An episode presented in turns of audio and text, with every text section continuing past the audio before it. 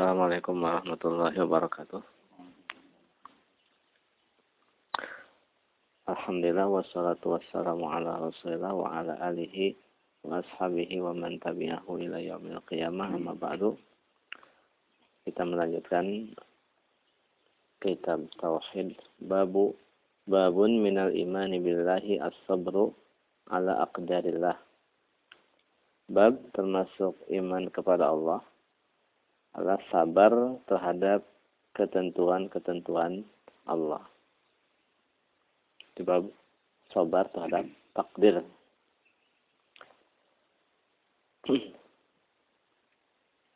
Di bahasan ini akan membahas tentang sabar terhadap takdir. Imam Ahmad mengatakan bahwa Allah Subhanahu wa taala menyebutkan kalimat sabar di dalam Al-Qur'an sebanyak 90 kali. Di dalam hadis sahih, hadis sahih Muslim, Rasulullah SAW mengatakan, As-sabru diyaun. Sabar itu adalah uh, apa? Cahaya atau pelita.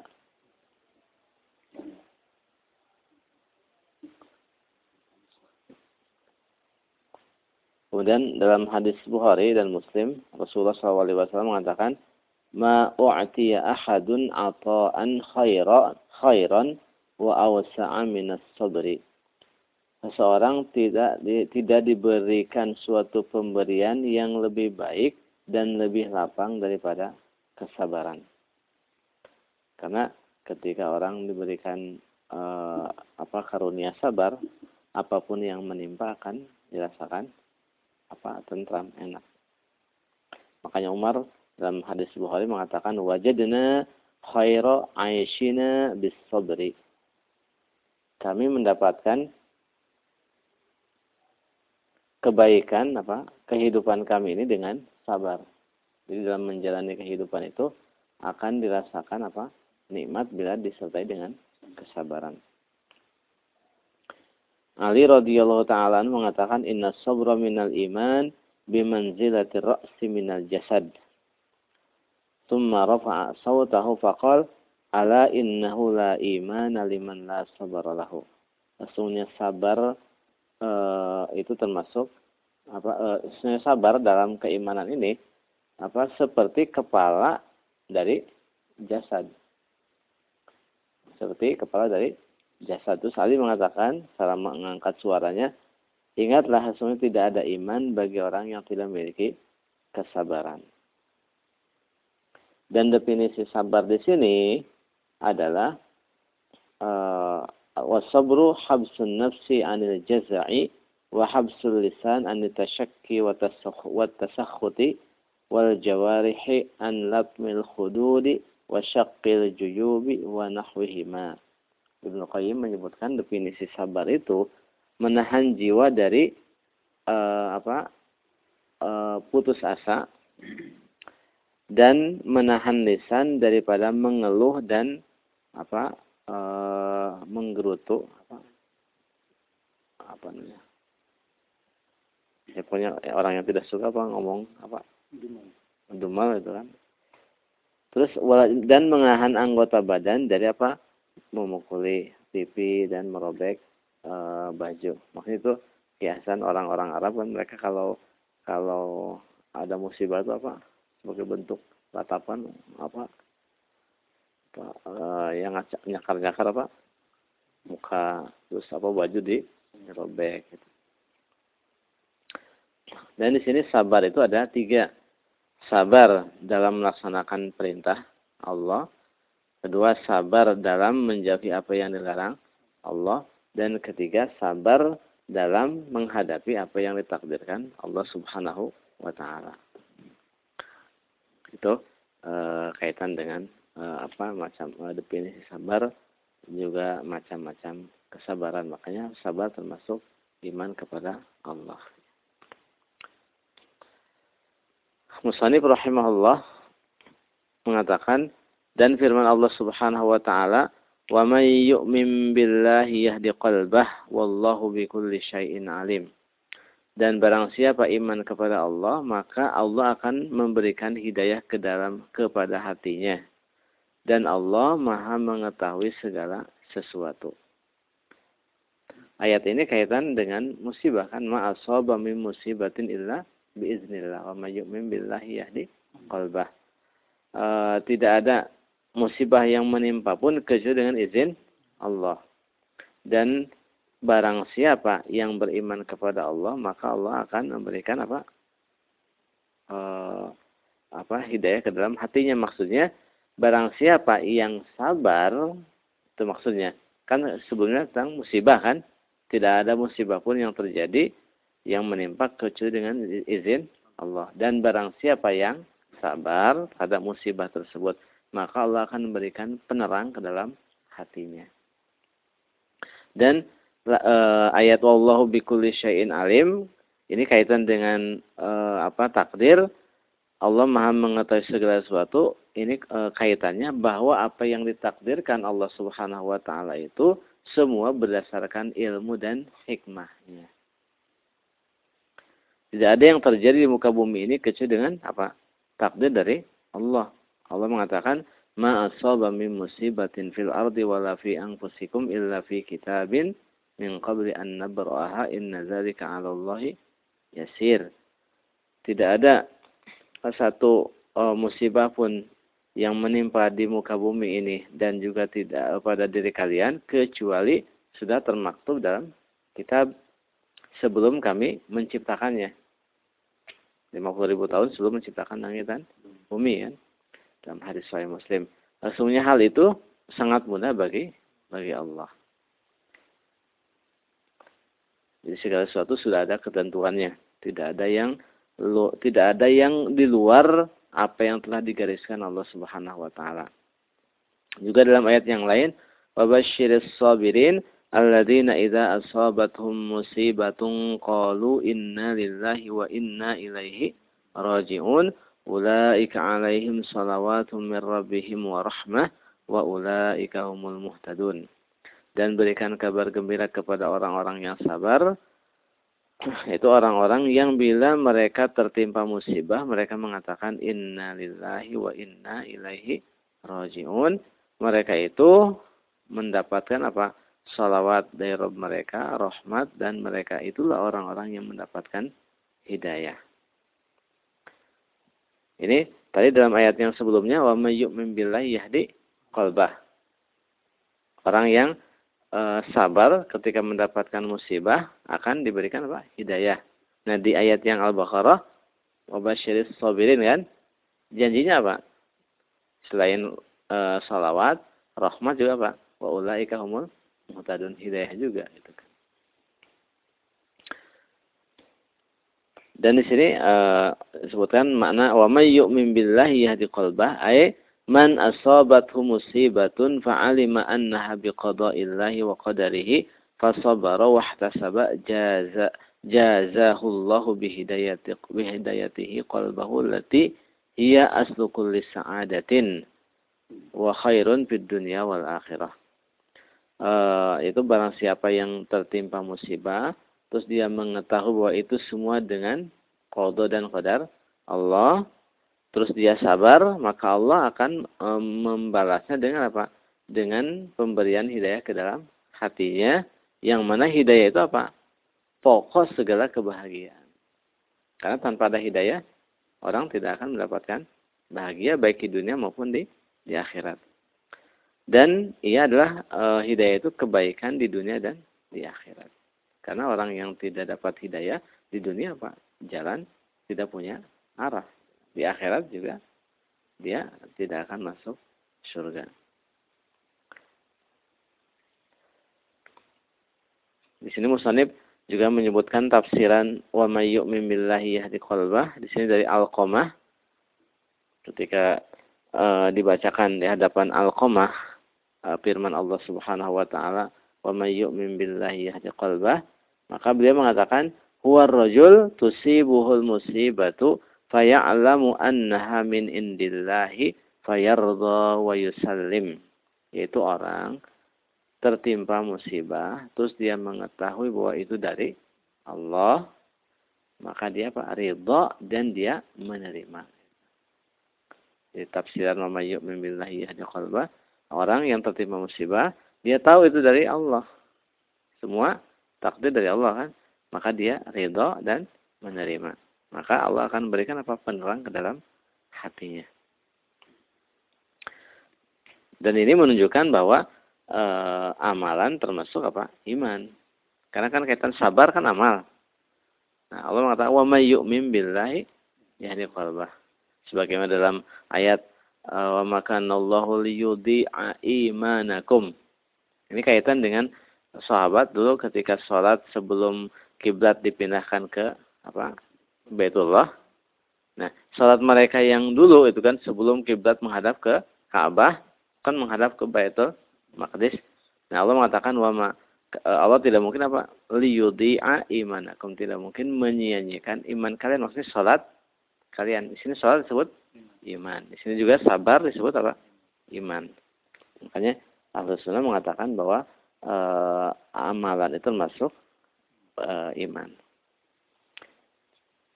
Dan juga ada yang mengatakan Said bin Jubair tafsiran ayat wa may yu'min billahi yahdi qalbah itu adalah yastarji' istirja mengatakan inna lillahi wa inna ilaihi raji'un.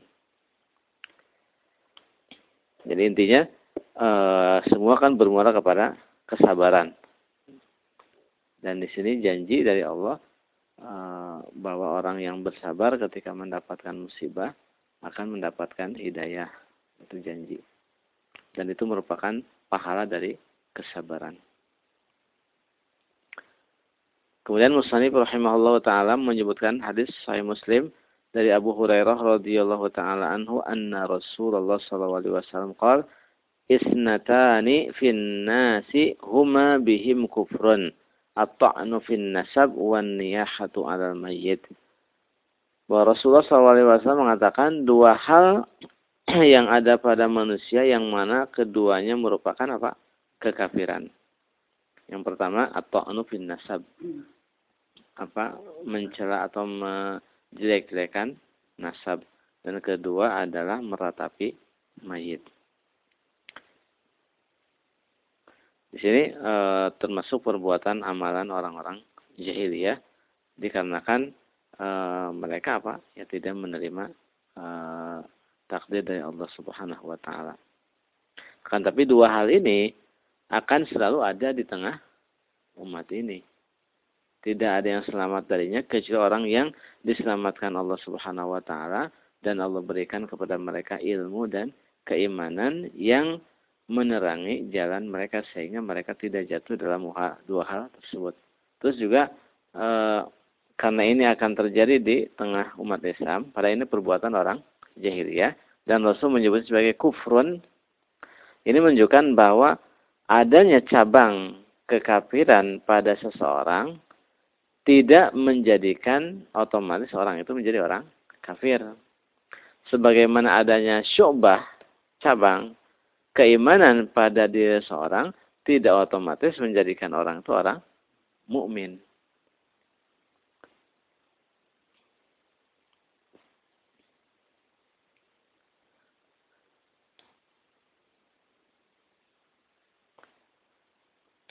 Di sini di dalam uh, hadis dengan kalimat kufrun kan nakirah. Uh, para ulama melakukan istiqra penelusuran di dalam as-sunnah bahwa kalimat kufur, kalimat kufur kalau berbentuk isim, kalau nakiroh itu apa? Ada ihtimal kufur akbar, ada kufur sughar. Tidak bisa dimanai sebagai kufur akbar kecuali ada korina. Karena umumnya kalimat kufrun yang ada dalam as-sunnah dengan bentuk nakirah itu e, kufur asghar.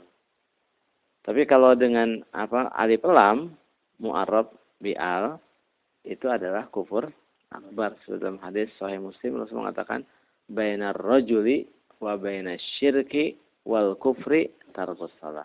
Antara seorang dengan kemusyrikan dan kekafiran itu adalah meninggalkan salat. Berarti meninggalkan salat merupakan kekafiran.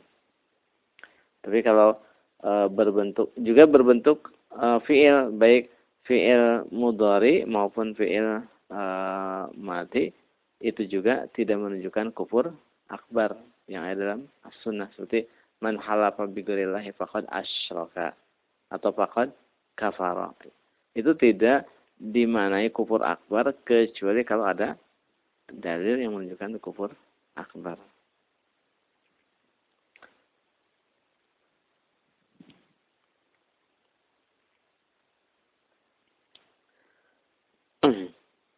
Dan di sini kaitan dengan bab di sini uh, kaitan dengan sabar ada di sini bahwa an-niyahah meratapi meratapi mayit itu menafikan kesempurnaan iman yang wajib yang kaitan dengan sabar.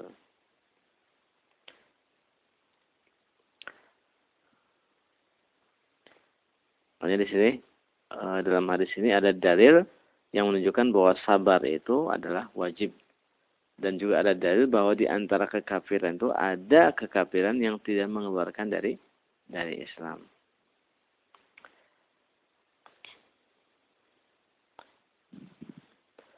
Kemudian Musanib rahimahullah taala e, mengatakan walahuma an ibnu Mas'udin masih riwayat Imam Al-Bukhari dan Muslim dari Ibnu Mas'ud marfu'an Rasulullah mengatakan laisa minna man darabal khududa wa syaqqal juyuba wa da'a bid'awal jahiliyah. Bukan termasuk golongan kami orang yang memukul-mukul pipi dan merobek-robek baju juyubin ini. Namanya. Ini ini namanya. Kan ini pokoknya segini namanya Pokoknya buat masuk kepala itu namanya najib. Karena saya jaib kan apa saku kan, ya kan saku juga bolong kan, ini juga kan bolong. Kemudian dan wada'a bid'awah jahiliyah. Menyeru dengan seruan jahiliyah.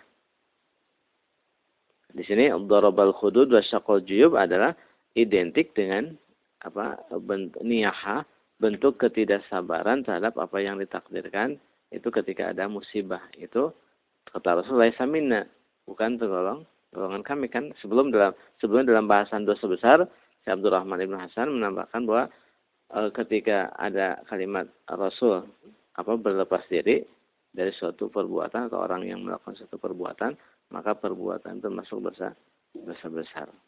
Berarti di sini e, tidak sabar terhadap takdir itu merupakan dosa dosa besar. Dan juga wada'a awal jahiliyah, menyeru dengan seruan jahiliyah, baik kesukuan ataupun apa? keguruan, maksud keguruan kesehan itu kan, maksud fanatik terhadap golongan, terhadap suku, terhadap kelompok dan seterusnya. Itu semua termasuk apa eh, dakwah al-jahiliyah.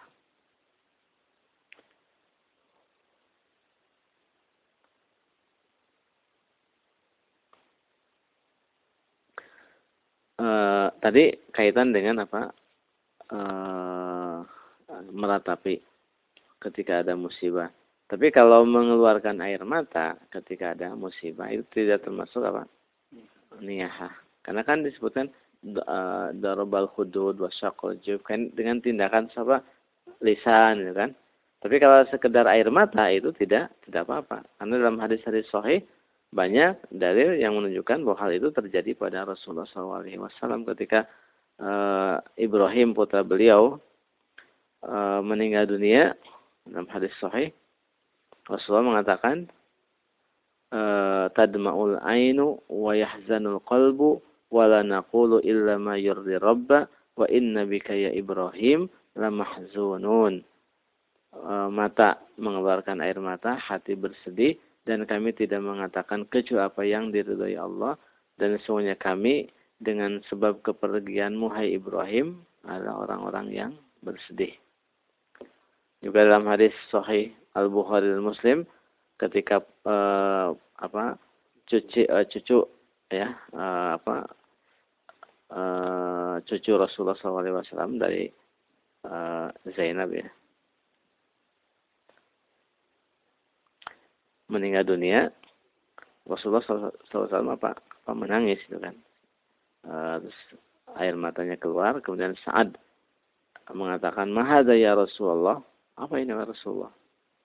Maka beliau mengatakan hadhihi rahmatun ja'alahallahu fi qulubi ibadihi. Ini adalah rahmat yang Allah jadikan di dalam hati hati hamba-hambanya. Wa innama yarhamullahu min ibadihi ruhama. Sesungguhnya Allah hanya merahmati uh, dari hamba-hambanya itu orang-orang yang apa? Uh, penyayang gitu. Jadi meneteskan air mata, bersedih atau menangis biasa tanpa apa? Teriak-teriak itu adalah hal yang dibolehkan. Bahkan di sini apa? Sebagai bentuk apa? E, kasih sayang. Yang di sini sebutkan Allah menyayangi orang yang yang seperti itu. Orang yang tidak apa yang ya, tidak punya kasih sayang berarti apa orang yang keras hatinya.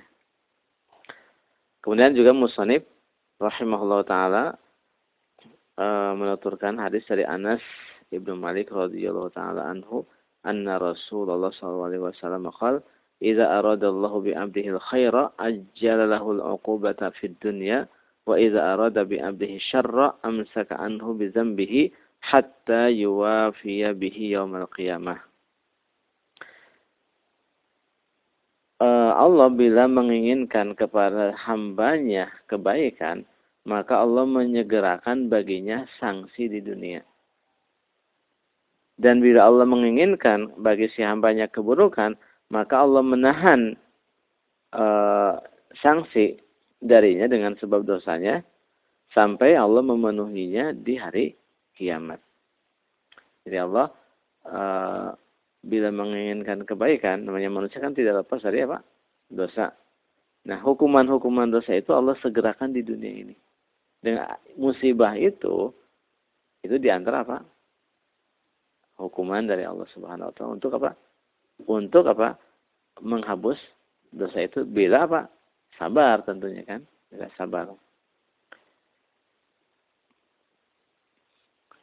Sehingga ketika dia sabar, maka dia eh, apa telah lepas daripada dosa tersebut.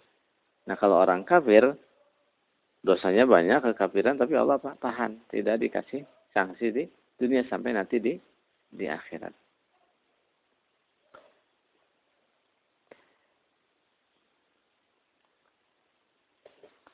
Makanya Ibnu Taimiyah menyebutkan bahwa musibah itu adalah nikmat sebenarnya kata beliau. Al-masaibu nikmatun li'annaha mukaffiratun lizzunub wa tad'u ila sabri fayusabu 'alaiha wa taqtadil inabata ila Allah wa dhulla wa dhulla lahu wal i'rada 'anil.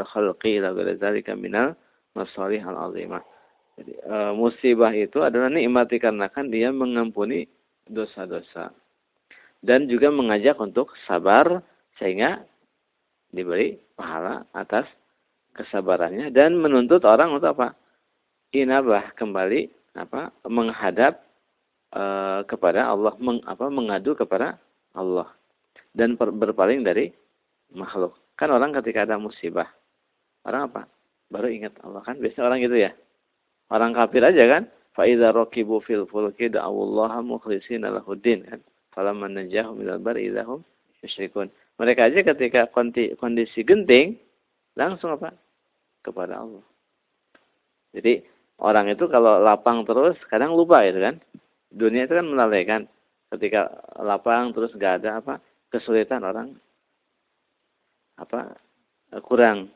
Tapi ketika ada bencana tahu bahwa tidak ada yang bisa menyelamatkan kecuali Allah. Akhirnya apa? Dia kembali kepada Allah. Jadi itu sebenarnya e, supaya orang mengingatkan supaya kembali lagi kepada Allah. Jadi itu nikmat pengingat dari Allah Subhanahu wa taala. Makanya nih dalam Al-Qur'an wa asa an takrahu syai'an wa huwa khairul lakum wa asa an tuhibbu syai'an wa huwa syarrul lakum wallahu ya'lamu wa antum la ta'lamun.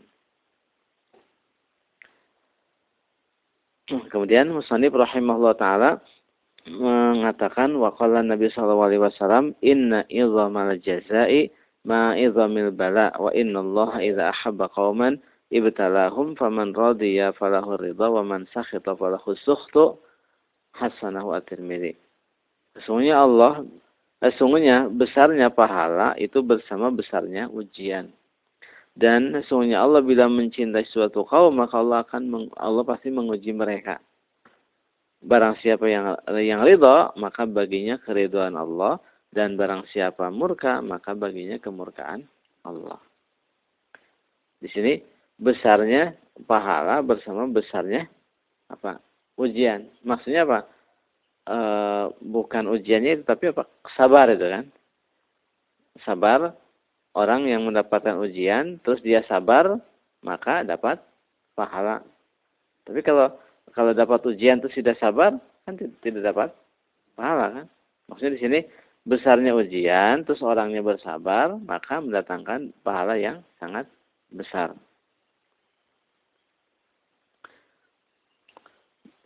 Dan uh, apa uh, balasannya itu apa? Balasannya itu penghapusan dosa itu. Dan ini e, karena semakin besar apa kan e, semakin besar keimanan maka ujian semakin besar juga.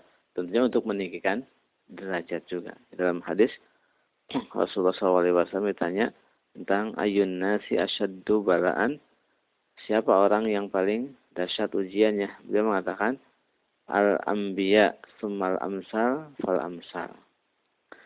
Yubtala rajul ala hasabi dinihi fa in kana fi dinihi salabatun ishtadda bala'uhu wa in kana fi dinihi riqatun ubtuliya ala qadri dinihi fama yabrahul bala'u bil abdi hatta yatrukahu yamshi ala al-ardi wa ma alaihi khati'ah. Rawahu ad-Darimi wa Ibnu Majah wa Tirmidzi wa Sahihah uh, orang yang paling dahsyat ujiannya itu adalah para nabi. Ini karena konteks innallaha idza ahabba qauman ibtalahum. Maksudnya Allah bila mencintai suatu kaum, Allah akan menguji mereka. Nah, para nabi orang yang paling Allah cintai. Di sini orang yang paling dahsyat ujiannya adalah para nabi. Kemudian yang berikutnya, berikutnya orang diuji berdasarkan sesuai keim dinnya, keimanannya. Bila dalam din itu pas salabah, kokoh, kuat, maka ujiannya semakin dahsyat. Dan bila dinnya apa? Harikoh tipis, keimanannya tipis, maka dia diuji sesuai dengan kadar dinnya. Sehingga e, senantiasa bala atau ujian itu menimpa seorang sampai apa? Dia meninggalkannya berjalan di muka bumi dalam keadaan tidak memiliki dosa lagi. Jadi ujian Allah berikan itu ya tadi untuk menghapuskan dosa-dosa itu juga untuk meninggikan derajat.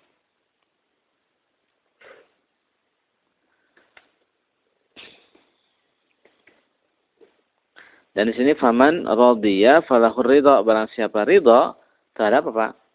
Ujian. Ujian kan? Maka baginya keridhaan Allah. Di sini e, pujian bagi orang yang yang ridha. Dan barang siapa dia apa murka maka baginya kemurkaan Allah. Di dalam Al-Quran dan Al-Hadis tidak ada perintah untuk ridho, tapi ada perintah untuk sabar. Tapi kalau kaitan ridho adalah pujian bagi orang yang melakukannya kan urusan faman rodiya falahu aridho. Waman sakhita falahu sukht. Jadi pujian kepada orang yang ridha. Makanya uh, Ibnu uh, Ibnu Taimiyah rahimahullah uh, beliau mengatakan walam yaji al-amru bihi kama al-amru bis sabri wa inna ma ja'a ala ashabihi. Uh, tidak pernah datang perintah untuk apa?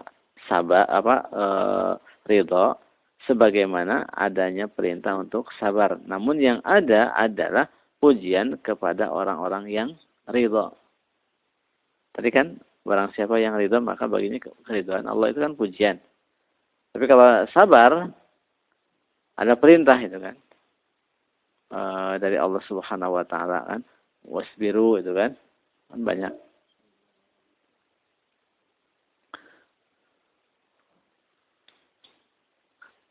Kata beliau, qala wa amma ma yurwa man lam yasbir ala bala'i wa lam yarda biqada'i falyattakhidh rabban siwai. Adapun asar yang uh, yang di yang mengatakan yang berbunyi dan barang eh, siapa yang tidak sabar terhadap ujianku dan tidak ridho dengan ketentuanku maka silakan cari Tuhan selain aku. Ini apa Israiliyat yang tidak ada dari Nabi Shallallahu Alaihi Wasallam. Karena e, ada sebagian ulama itu kan yang mengatakan bahwa ridho itu wajib itu kan. Dan itu adalah pendapat Ibnu Akil Sedangkan uh, para ulama yang lain mengatakan tidak wajib yang wajib itu sabar.